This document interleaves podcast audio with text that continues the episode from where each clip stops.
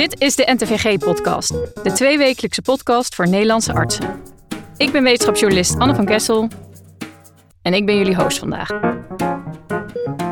Fijn dat je weer luistert. Het komende half uur praat ik jullie bij over het nieuwste nummer van het NTVG. En in deze aflevering staan we stil bij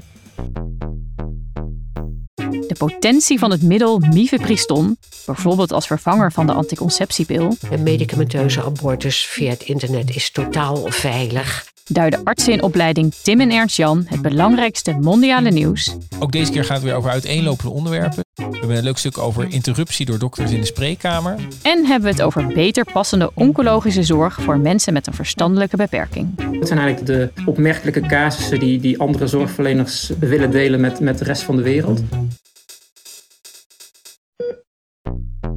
Het middel mifepriston wordt al decennia lang ingezet bij abortus en gebruikt voor het opwekken van weeën na een miskraam. In theorie is het ook een goed alternatief voor de bestaande morning after pil en voor de anticonceptiepil. Maar er rust geen patent meer op het middel en de reputatie als abortuspil helpt ook niet echt. Dat taboe moet worden doorbroken om de potentie van het middel volledig te benutten, betogen Gunilla Kleiverda en collega's in het nieuwste nummer van het NTVG. Kleiverda werkte 30 jaar in het Flevo ziekenhuis en 20 jaar voor Women on Waves. Vorig jaar ging ze met pensioen en Job ging bij haar op bezoek voor een gesprek. Welkom, Gunilla. We gaan het hebben over uh, mifepriston en eigenlijk de, de ondergewaardeerdheid ervan. Zou je eerst in het kort even kunnen uitleggen over welk middel hebben we het nu eigenlijk? Mifepriston is in Nederland voornamelijk bekend als abortuspil of als onderdeel van de abortuspil. Maar wat niet bekend is, dat is dat het gebruikt kan worden als anticonceptiepil. Dat het ook een hele goede werking heeft als morning after pil.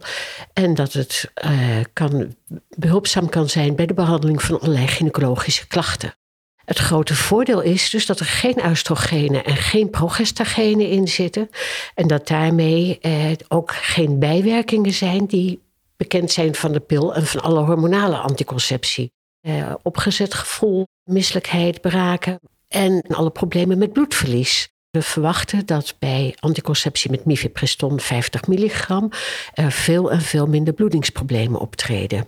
En eigenlijk alle bijwerkingen van hormonale anticonceptie ook afwezig zullen zijn. En dan hebben we het ook over de tromboserisico. Ook om het tromboserisico, ook over het borstkankerrisico. Nou, klinkt eigenlijk als, uh, waarom doen we dit nog niet? Ja, precies. En ik begrijp ook dat deze pil er inderdaad echt al heel lang is. De pil is heel lang op de markt. De 50 milligram, die je dus kunt gebruiken voor anticonceptie, die is alleen niet in Nederland geregistreerd. Er is heel veel onderzoek gedaan, maar hier in Nederland nog niet. En er rust geen patent op. Dus de farmaceutische industrie is absoluut niet geïnteresseerd om onderzoek te doen. Is dat dan de reden waarom het niet verder breder toegepast wordt? Of speelt er nog meer omheen? Dat is de reden dat er in ieder geval geen onderzoek naar anticonceptie heeft plaatsgevonden. Ja, en verder kan je natuurlijk bedenken dat er weerstand tegen is, omdat het ook bekend staat als onderdeel van de abortusmedicatie. Ja, ja, het is de, er rust een soort stigma op. Er rust een stigma op en dat hebben we ook gezien bij onze subsidieaanvraag. Dat dat stigma in eerste instantie een reden leek om af te raden dat onderzoek te gaan doen dat het misschien zou kunnen leiden dat mensen dat zouden, vrouwen zouden het zouden gaan verzamelen en daar illegaal abortus mee doen.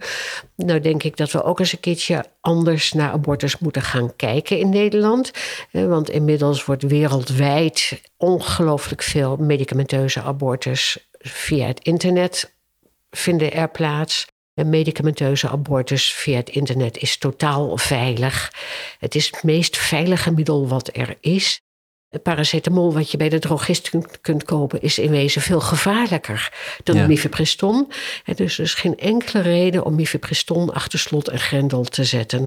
Is het dan toch, toch weer wederom dat hele argument... het moet vooral niet te lichtzinnig gebeuren, wat er heel erg eronder ligt? Dat is heel erg uh, wat je in Nederland heel erg hoort. En als je luistert naar de Tweede Kamerberaadslaging... over uh, het afschaffen van de vijf dagen bedenktijd... dan was het toch wel heel erg dat vrouwen het toch wel heel erg moeilijk moesten hebben uh, vinden... en dat het toch wel huisartsen en abortusartsen toch wel heel erg goed moeten kijken... dat vrouwen dat niet lichtzinnig doen... Terwijl vrouwen in Nederland hartstikke verantwoordelijk zijn, heel erg vroeg er al bij zijn. Het allergrootste deel van de vrouwen is ver voordat ze twee weken over tijd zijn al bij de huisarts. Ja, dat is juist een teken. Dus van juist er- teken dat ze, Ja. dat ze zo verantwoordelijk zijn. En laten, ze, laten we dan ook daar anders naar kijken. En dat veel meer zien als een, eh, dezelfde verantwoordelijke vrouw die niet zwanger wil zijn, die niet een kind op de wereld wil zetten, die daarvoor eh, anticonceptie gebruikt. En als die anticonceptie mislukt, blijft ze dezelfde verantwoordelijke vrouw die niet een kind op de wereld wil zetten. En laten we dat gewoon veel positiever benaderen. En niet zo met het vingertje zwaaien als we in Nederland doen. En als je kijkt ook naar wat er vanuit het ministerie van VWS in het regeerakkoord staat, dat is ook het voorkomen van herhaalabortussen. Nou, terwijl het een vrouw ook het recht heeft om misschien te kiezen voor een minder veilige vorm van anticonceptie. Als ze één dag over tijd met een pilletje die hele prille zwangerschap, die nog niet eens aantoonbaar Ja. is met een echo, Ja. kan beëindigen. Die alleen maar aantoonbaar is met een positieve zwangerschapstest. Of misschien al kan beëindigen voordat ze over tijd is. Ja, en dan ben je ook juist een beetje weg bij die discussie die nu heel erg opleidt over ja, maar het is al bijna een heel mens. Al eh, beschouw je het als een echt mens, dat is het aan de vrouw zelf om te beschouwen hoe ze dat beschouwt. En dat is niet aan eh, de wet, aan de regelgeving, aan de politiek, aan de religie, aan andere mensen. Ja. Het blijft het zelfbeschikkingsrecht van vrouwen om iets wat in haar groeit eh, niet te willen en, daar, en dat te beëindigen. Wat zijn nou nog de belangrijkste punten rond dit middel eh, waar we meer kennis over willen? Natuurlijk in eerste instantie eh, werkt het goed als anticonceptiemiddel. Hè? Heeft het een lage Pearl-index? Eh, hoe groot is de kans dat vrouwen toch zwanger worden? Nou, hopelijk heel erg laag, maar goed, dat moeten we bewijzen in een groot Dus onderzoek. er zijn wel wat studies naar gedaan. Er zijn wel wat niet- studies naar gedaan. eh, en we hebben heel goede hoop dus dat het inderdaad een heel goed anticonceptiemiddel is. We willen kijken of het veilig is. Of er geen eh, leverfunctieafwijkingen zijn. Met name omdat, natuurlijk, omdat het wordt afgebroken in de lever. En een derde, iets wat we willen controleren, is wat het met het endometrium doet. Of daar geen eh, nadelige gevolgen zijn. Dat willen we toch in de gaten houden met drie maandelijks echoscopisch onderzoek. Om te kijken dat er geen verdikt endometrium ontstaat, wat een voorloper kan zijn van iets malignes. Ja. Dus dat zijn eigenlijk de drie belangrijkste dingen. En natuurlijk willen we kijken naar klachten en bijwerkingen. En we willen dat ook vergelijken met gebruikelijke anticonceptie. Ja, ja, want het klinkt nu bijna inderdaad alsof we nu in mineur eindigen met allemaal eh, eh, beperkingen. Maar het is wel ten opzichte van middelen die, eh, waarvan inmiddels heel duidelijk is dat ze ook een heel... Heel, ongunstig heel veel bijwerkingen profiel hebben. En waarbij we dus verwachten dat er een veel gunstiger bloedingsprofiel is. Eh, Want vrouwen zitten niet te wachten op die hevige menstruaties. En we verwachten ook dat menstruaties minder pijnlijk zullen zijn. En ja, daarmee dat we ook een heel mooi middel hebben voor de behandeling van allerlei gynaecologische kwalen, als endometriose en myomen en hevig bloedverlies. Waarbij in het buitenland, dus in India en China, al de nodige onderzoeken zijn gedaan met heel gunstige effecten. Klinkt in ieder geval alsof het een eerlijkere behandeling eh, eh, verdient. Jullie doen zelf ook crowdfunding. We zijn dus bezig met subsidieaanvraag in Nederland. Voor het geval dat niet lukt en sowieso eh, daarnaast zal toch nog verder aanvullend onderzoek nodig zijn. We willen ook alvast kijken om de mifepriston 50 milligram hier te gaan registreren. Daar is ook geld voor nodig, omdat er dus geen farmaceutische industrie is die dat wil gaan doen. Dus in die zin zijn we ook met, daarvoor bezig met crowdfunding alvast. Ja, Op de website van Women on Waves kan je daar meer over vinden trouwens. ja oké. Nou, veel dank. Ik ben Ja. heel benieuwd hoe dit, hoe dit verder gaat. En of inderdaad misschien eh, over een paar jaar een extra, eh, een extra optie in ieder geval is voor al deze mogelijke toepassingen. Dankjewel voor het interview. Heel interessant gesprek, Gunilla en Job. Het gehele artikel van Kleverda en collega's vind je op ntwg.nl. Alle artikelen die we bespreken vind je in de show notes op onze website, te vinden onder podcast. Reageren mag trouwens ook altijd via podcast.ntwg.nl. In de rubriek De Warme Douche staan we stil bij al het moois in de medische wereld. Er zijn veel artsen die zich inzetten voor goede initiatieven en wij geven die artsen graag aandacht. Met vandaag onder de douche Dominique van Hattem, gynaecoloog in opleiding in het OVG en vrijwilliger bij de organisatie Dokters van de Wereld. Welkom Dominique. Dankjewel. Je zei het is een beetje een verrassing, maar jij verdient als eh, vrijwilliger deze keer de warme douche vanwege jouw werk voor Dokters van de Wereld. Vertel, wat doet jullie uh, organisatie? Ja, Dokters van de Wereld is een organisatie die wereldwijd werkt en in elk land een eigen afvaardiging heeft. En in Nederland zorgen wij voor zorg voor ongedocumenteerden. Mensen die geen papieren en geen verblijfsvergunning hebben om Nederland te blijven. En daar zijn verschillende takken eigenlijk van wat we in Nederland doen. Hè. We verlenen psychosociale hulpverlening. Er is de zorgbus, eigenlijk een uh, basis huisartsenzorg langs plekken waar veel ongedocumenteerden zijn. En ik doe dan het uh, ja, seksueel en reproductieve gezondheidsspreekuur. Dus anticonceptie, het regelen van abortus bij ongewenste zwangerschappen. En tegenwoordig ook steeds meer gynaecologische problemen als uh, problemen na de overgang of bloedingsproblemen. Of ja, af en toe ook vragen over rondom fertiliteit bijvoorbeeld. Wat mooi. En waarom doe jij dit vrijwilligerswerk? Uh, ja, dat is een paar jaar geleden ben ik dat uh, gaan doen. En ik zocht eigenlijk wat meer naast mijn gewone werk. Waarbij ik wat meer uh, ook naar de patiënt zelf ook kon kijken. Ja, wat extra's eigenlijk kon bieden. Ja, je kan het, ik vind zelf zingeving altijd een lastig woord. Maar uiteindelijk krijg ik er meer plezier van in mijn dagelijkse werk. Doordat ik dit werk ernaast doe. Heb jij nou ook advies voor artsen die ook op zoek zijn, nou ja, ze dan maar even zingeving noemen in hun werk, wat zij kunnen doen? Ja, nou ik denk dat het belangrijk is eigenlijk dat je iets zoekt wat bij je past. Hè? En of dat, uh, dat kan zijn echt medisch inhoudelijk werk, dat kan ook zijn organisatorisch voor een stichting of organisatie. Ik ben ooit begonnen bij Medical Checks for Children. Nou, ik doe gynaecologie, dus dat ligt niet helemaal in de lijn. Maar ook daarin kan je echt een steentje bijdragen en iets voor, voor anderen betekenen. Dus ik denk dat het belangrijkste is om iets te zoeken wat bij je past.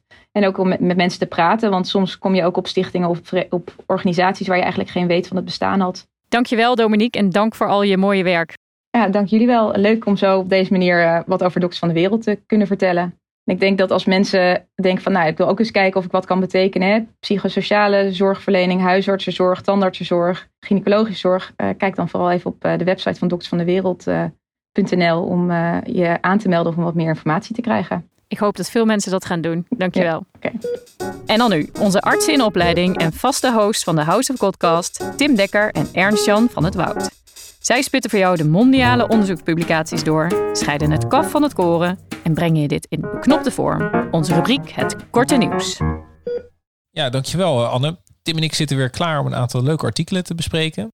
Ook deze keer gaat het weer over uiteenlopende onderwerpen. Zo bespreken we een stuk over opiaatsparende postoperatieve pijnbehandeling. We hebben een leuk stuk over interruptie door dokters in de spreekkamer, een Nederlands stuk. Maar we beginnen met een artikel over reanimatie door omstanders in de Verenigde Staten.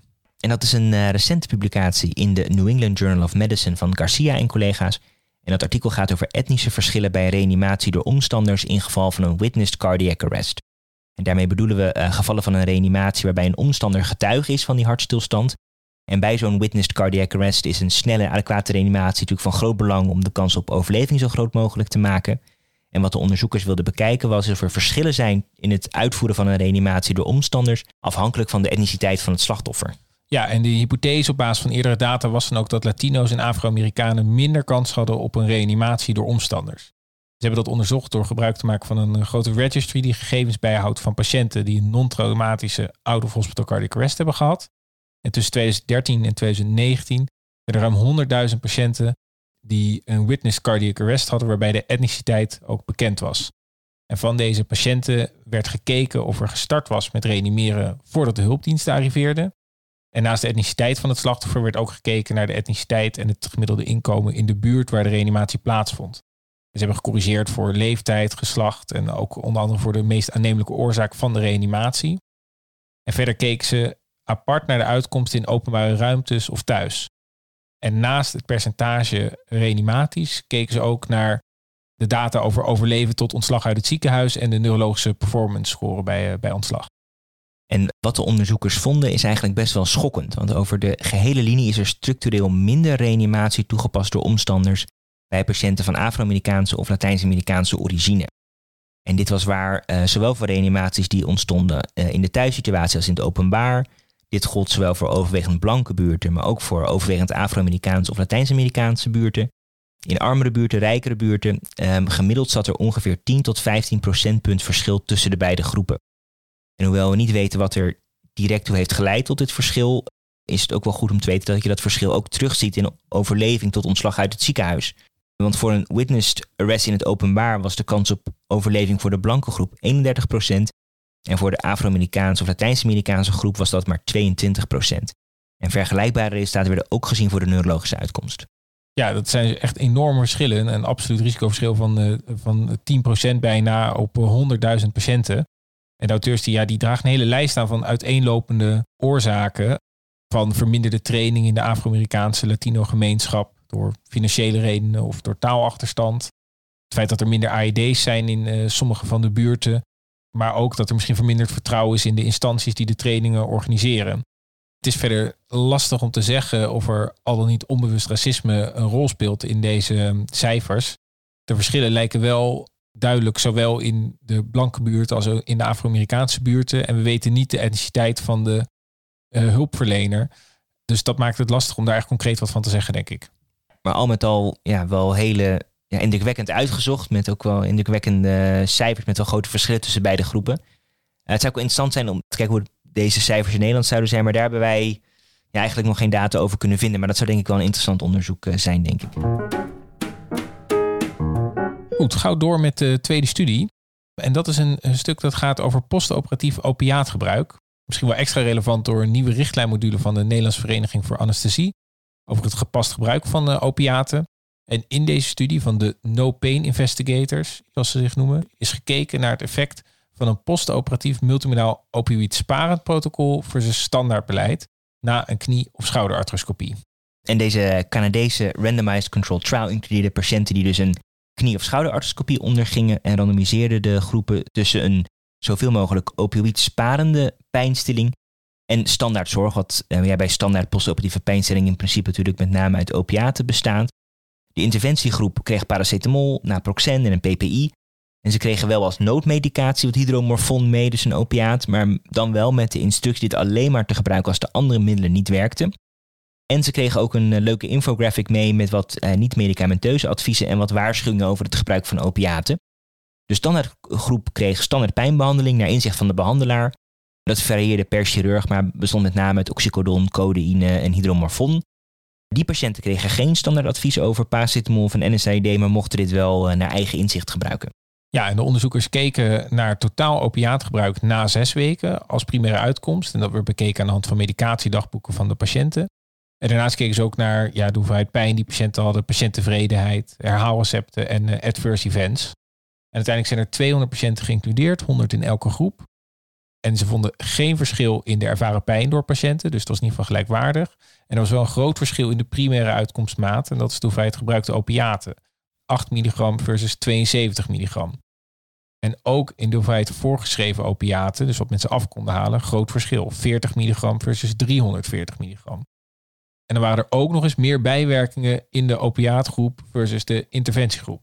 Ja, wat, wat een prachtige studie is het eigenlijk, hè? met een hele leuke uitkomst. Dus minder opiaatgebruik, minder voorschriften voor opiaten, een gelijk effect op pijnstilling en ook nog eens een keer minder bijwerkingen. Is er nog iets aan te merken op deze studie? Ja, het was niet geblindeerd, het was in de praktijk niet haalbaar. Uh, en patiënten rapporteerden zelf een opiaatgebruik. Maar ik denk eigenlijk niet dat dat heel erg veel afdoet aan deze resultaten. Nee. Het zijn wel minimaal invasieve ingrepen. Hè, dus het is nog maar de vraag in hoeverre dit ook voor andere ingrepen geldt. En ik vond die, die infographic ook wel erg leuk. Dus ja, die, die zou toch gewoon denk ik een vaste plek kunnen krijgen. Toch, dat, uh, dat lijkt mij zeker. Ja, toepasbaar op, op elke ingreep lijkt me. Leuk onderzoek. Ja, en dan willen we als laatste nog twee studies wat korter noemen. Als eerste hadden we het vorige keer natuurlijk over het aangetoonde effect van het benoemen van stoppen met roken door hulpverleners. Het is nu een leuke nieuwe studie in de British Medical Journal door Teppin en collega's. En dat sluit hierbij aan, want die hebben gekeken naar rokende zwangeren. En die vrouwen kregen of standaardhulp aangeboden bij het stoppen met roken, of standaardhulp en een voucher van 400 pond. En die interventiegroep die deed het duidelijk beter, 15 procentpunten verschil. Dus ja, naast ons goed bedoelde advies in de spreekkamer lijkt een financiële vergoeding misschien nog wel effectiever. En dan hebben we ook nog een uh, leuk Nederlands stuk gelezen in de Annals of Family Medicine. En dat gaat over interrupties door dokters. En geschreven door collega Plug van het Radboud uh, UMC. En in deze studie werd door de onderzoekers uh, videoconsulten bij de huisdokter geanalyseerd. En werd gekeken of interrupties tijdens het gesprek verstorend waren. Of juist coöperatief. Dus daarmee werd bedoeld aanmoedigende, verhelderende of bevestigende interrupties. En da daar werd naar gekeken in deze studie.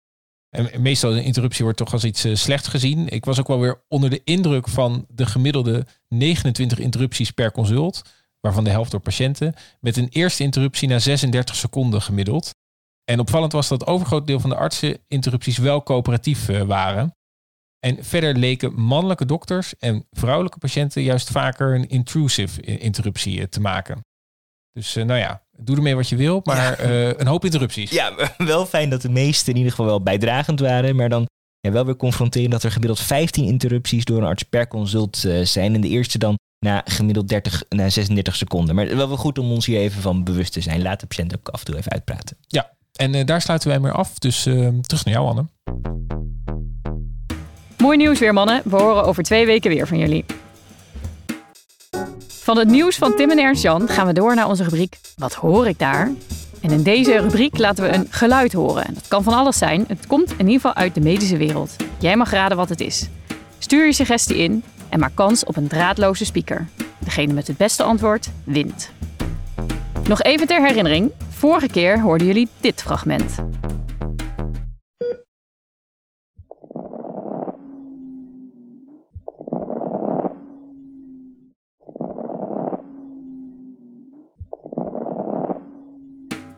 Dat geluid kregen we van internist Jos Koter uit het Amsterdam UMC en hij kwam speciaal voor ons naar de studio om het verlossende antwoord te geven op de vraag wat wij daar hoorden. Welkom in de studio, Jos. Ja, aangenaam. Nou, vertel, wat hebben we net gehoord? Om te beginnen hoor je ademgeruisen, je hoort iemand ademen. Normaal wordt ademgeruis gemaakt in de grotere luchtwegen en dan hoor je de inademing beter dan de uitademing. Hier hoor je de uitademing eigenlijk wat beter en wat langer dan de inademing. En waar wordt het dan door veroorzaakt? Wat is er met deze persoon aan de hand? Dat betekent meestal dat er luchtwegobstructie is, hè? dat de luchtwegen wat dicht zitten. Obstructieve luchtwegziekte, astma, chronische bronchitis. Ik ben geen arts, maar mij doet het een beetje denken aan een waterpijpborrel, gevolgd door een soort walvisgezang. Je hebt waarschijnlijk heel andere associaties als je dit ik hoort. Ik heb eigenlijk precies dezelfde associatie, maar je zou het ook anders uit kunnen leggen. ja. ja. Um, realiseer dat we geluid dat we horen is altijd trilling van weefsel. Wij horen geen verplaatsende lucht. Je hoort de storm eigenlijk ook niet. Je hoort de storm doordat die storm iets in beweging brengt. Blaadjes, een boom, een lantaarnpaal of jouw oorschelp. Dus je moet iets trillen. Er zijn twee bijgeluiden die je hoort. Iets in de inademing en iets in de uitademing. Bij de inademing hoor je die kraakjes, hè? Crackles ook wel genoemd. Dat noemen we crepiteren. En, en wat gebeurt daar nu feitelijk? Stel je voor, er zit iets in die kleine luchtweggetjes, maar met name eigenlijk daaromheen in het longweefsel. Die luchtweggetjes worden daardoor dichtgedrukt. Dan ga je inademen. Die luchtweggetjes willen open, maar dat gaat niet zo makkelijk. Je ademt verder in en plotseling ploppen die als het ware open. dat openploppen, dat hoor je. Misschien is het makkelijkste om het je zo voor te stellen. Dat luchtweggetje dat is in beweging en dat staat in één keer stil. Dat luchtweggetje in één klap stilstaat, gaat trillen en die trilling van het weefsel levert een kraakje op. En omdat al die luchtweggetjes dat op een verschillend moment doen, hoor je die kraakjes ook achter elkaar. Crepitaties, en je zou het kunnen vergelijken met de wind die in het zeil komt van een boot. Dat zeil dat bolt uit en staat in één keer stil en geeft een tik. Nou, die tik van dat zeil is het kraakje dat we een crepitatie noemen. Dan hoor je ook nog iets. Ik weet niet of dat dan nou die waterpijp of die walvis was. Maar je hoort ook nog een groot gekreun in de ja, uitademing. Dat is, dat is denk ik mijn walvis. Dat is jouw walvis, ja. hè? Ja, die, die kreun. Dat noemen we rongus. Er is obstructieve luchtwegziekte. Die luchtweggetjes worden vernauwder. En bij de uitademing, dit is een uitademingsgeluid, neemt de luchtsnelheid toe. En dan gebeurt er iets geks volgens de wet van Bernoulli. Neem dan de luchtdruk, de zijwaartse druk, af. Dat ken je denk ik wel van de trein die langskomt stormen en zich naar je toezuigt. Dat is eigenlijk hetzelfde. In dat luchtweggetje neemt die druk af. En het is al vernauwd. Dat luchtweggetje wordt dus nog nauwer. Totdat het sluit. Dan staat de lucht stil. En is de zijwaartse druk weer maximaal en gaat het luchtweggetje weer open. En dan weer dicht. En dan weer open. Nou, dit gebeurt met een bepaalde frequentie. Dat luchtweggetje gaat trillen met een frequentie. Dat levert een geluid op. Dat noemen we een rongus. Vergelijk het met de ballon waarbij je het tuutje trekt. De lucht stroomt de ballon uit en je hoort zo'n piep. Wat je hoort is de trilling in de wand van die ballon. En dat voel je ook aan je vingers. Nou, die trilling, die piep die je hoort van de leeglopende ballon, dat is een ronkus. Helder. Dankjewel voor dit natuurkundig college eigenlijk bijna in deze artspodcast. Graag gedaan. Wil je hier nou meer over lezen? In 1990 verscheen een artikel in het NTVG over longgeluiden van Bakker en Dijkman. En toen de COVID-pandemie opkwam, werd dit artikel ineens tienduizenden keren bekeken. Het is inmiddels dan ook een zogenaamde evergreen. En dit artikel vind je op ntvg.nl/slash longgeluiden. We hebben natuurlijk ook nog een nieuw fragment voor jullie. Komt-ie.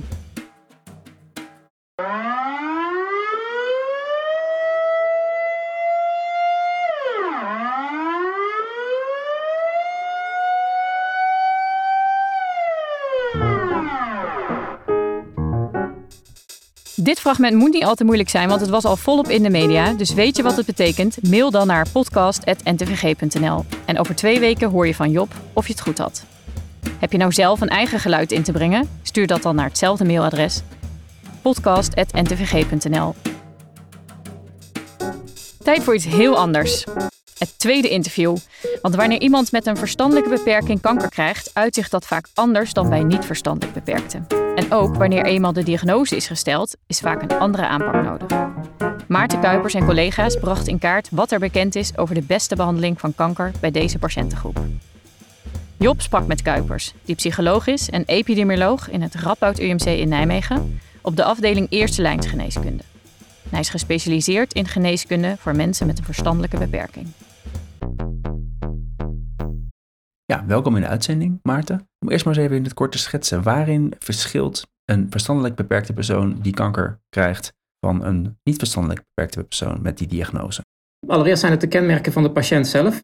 Verstandelijke beperking ligt vaak een genetisch syndroom onder, maar het uitzicht met name in laag EQ, waardoor de patiënt vaak meer moeite heeft met het herkennen dat het überhaupt klachten heeft. Het lastiger is uit te spreken waar de problemen zitten. Uh, problemen heeft met het verwerken van informatie en uh, maken van keuzes. Dus dat zit aan de patiëntkenmerken.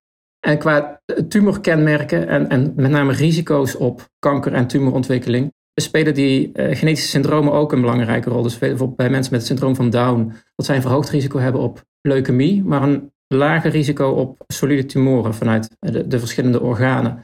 En zo zijn er veel verschillende syndromen, waarvan van een aantal ook bekend is dat die een, een bepaalde rol hebben bij de, de tumorontwikkeling. Je kunt je voorstellen dat als er een, genetisch syndroom aanwezig is, dan is het, is het genetisch pakket niet helemaal op orde. Dat dat ook uh, kan leiden tot nou ja, de verstoring in de celdeling. Dus het zijn zowel de patiëntkenmerken als, als de risico's op, op specifieke tumoren die in deze groep afwijkend zijn van, van de algemene populatie. Die hebben jullie een literatuurstudie gedaan. Wat hebben jullie met name in kaart gebracht? Ja, de literatuurstudie was met name gericht om zicht te krijgen wat er beschreven wordt over patiënten met een verstandelijke beperking en kanker. En dan met name in de, de behandelfase. En dan uh, zowel over de besluitvorming als de daadwerkelijke uitvoer van de behandeling. En wat zijn jullie belangrijkste bevindingen daarbij? Ja, de belangrijkste bevinding was eigenlijk dat er heel weinig over bekend is. Het is heel moeilijk om, om gerichte en specifieke literatuur te vinden over uh, de groep bijvoorbeeld met een specifiek syndroom en uh, een bepaalde kanker en hoe dat dan uh, behandelingen worden uitgevoerd. Wat we zagen dat in, in heel veel artikelen, als er een patiënt wordt beschreven met een verstandelijke beperking, dat het vaak case studies zijn. En dat zijn op, op het niveau van bewijsvoering en dat je dat het werkelijk in de praktijk iets mee kan, is dat eigenlijk het, het laagste niveau. Het zijn eigenlijk de opmerkelijke casussen die, die andere zorgverleners willen delen met, met de rest van de wereld. Ja. Vaak is er geen informatie over de onderliggende uh, syndromen uh, beschreven. Dus dan heb je als zorgverlener ook weer minder houvast om, om te plaatsen van in welke hoek moet ik dit nu plaatsen, waar hebben we mee te maken. En als er dan wordt beschreven dat een patiënt een verstandelijke beperking heeft en er zijn bepaalde behandelingen gedaan, dat het wel vaak voorkomt dat er aanpassingen zijn uh, gedaan. Maar dan wordt er weer weinig informatie gegeven over de onderliggende redenen om die aanpassingen door te voeren. En dat geeft dan ook weer weinig houvast voor uh, andere zorgverleners met een, eenzelfde type patiënt. Wat voor soort aanpassing hebben we het nou met name? Want de patiënt heeft aan een bepaald moment een diagnose. Daar is een standaard behandelplan voor en dat varieert natuurlijk ook. Nou, het algemeen uh, hebben mensen met verstandelijke beperking vanwege hun uh, uh, beperking en, en, vaak ook een onderliggend syndroom al een, een kwetsbare gezondheid. dus soms zijn hele intensieve behandelingen, bijvoorbeeld chemotherapieën, die worden niet verdragen of zijn niet, niet raadzaam gewoon vanwege de gesteldheid van, van de patiënt. Maar het kan ook te maken hebben met gewoon de praktische uitvoer van behandelingen. Een, een patiënt met spasmen of met angststoornissen kan het lastig zijn om bepaalde behandelingen uit te voeren, fysiek of vanwege de veiligheid voor het, uh, voor het zorgpersoneel. Dus dan zijn dat ook aspecten waar, uh, waar rekening mee gehouden moet dient te worden. Bij sommige verstandelijk beperkten is het heel zichtbaar, bijvoorbeeld bij syndroom van Down, of ze hebben al een heel duidelijk dossier bij zich. Maar er is ook een grote groep bij wie het wat minder duidelijk is dat ze toch wel degelijk een beperking hebben die belemmerend kan zijn of die een extra uitdaging vormt. Hoe daarmee om te gaan?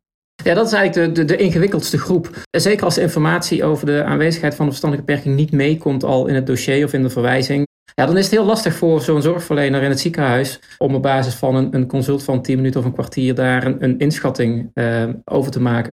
Ik, ik, denk dat, dat studies uh, zoals wij ze uitvoeren en nou ja, de aandacht die, die het via deze weg natuurlijk ook krijgt, dat de, de alertheid voor het bestaan van deze groep en, en, en, als je situaties voordoet waarbij je wel eens twijfelt van wat een vreemde reactie, dat, dat je in ieder geval de link kunt leggen van dit zou wel eens een, een verstandelijke beperking kunnen zijn. Ja. Op de iets langere termijn denk ik dat we de situatie veel beter kunnen gaan ondersteunen door een aantal standaard kenmerken op te nemen als een soort van, van checklist van uh, gebeurt dit of uh, komt deze situatie voor of heeft deze combinatie van aandoeningen of beschrijvingen in, in het dossier voor, dan zou er wel eens sprake kunnen zijn van een, een verstandelijke beperking als een soort checklist of, of iets dergelijks. Ja. ja, heel interessant, dankjewel. En terug naar de studio, Anne.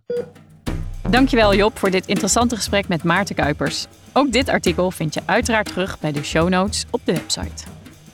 Tijd voor het laatste onderdeel van de show, de tip van de redactie van Rosie Sikkel, basisarts en nieuwsredacteur bij het NTVG.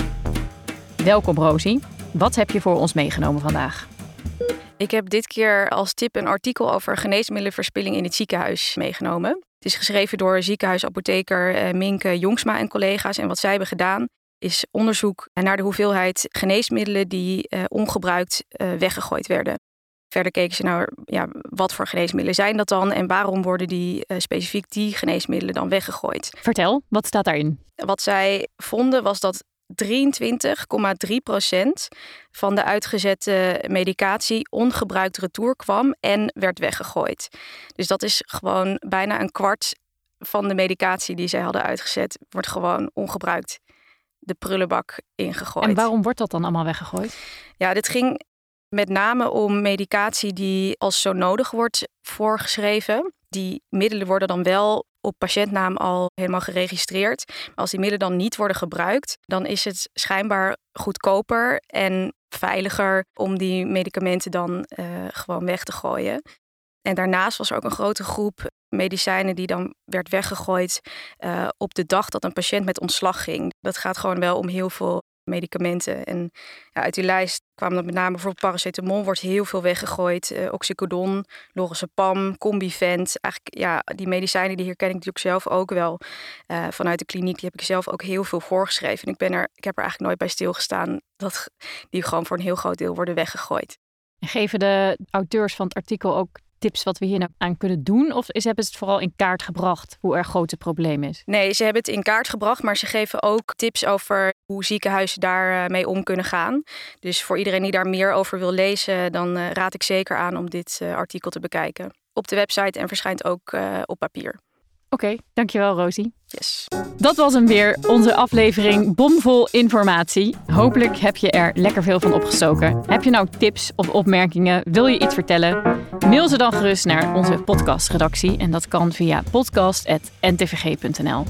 Over twee weken zit mijn collega Job de Vriese op deze stoel. Ikzelf ben er over een maandje weer. Voor nu een heel fijne dag gewenst en tot de volgende aflevering.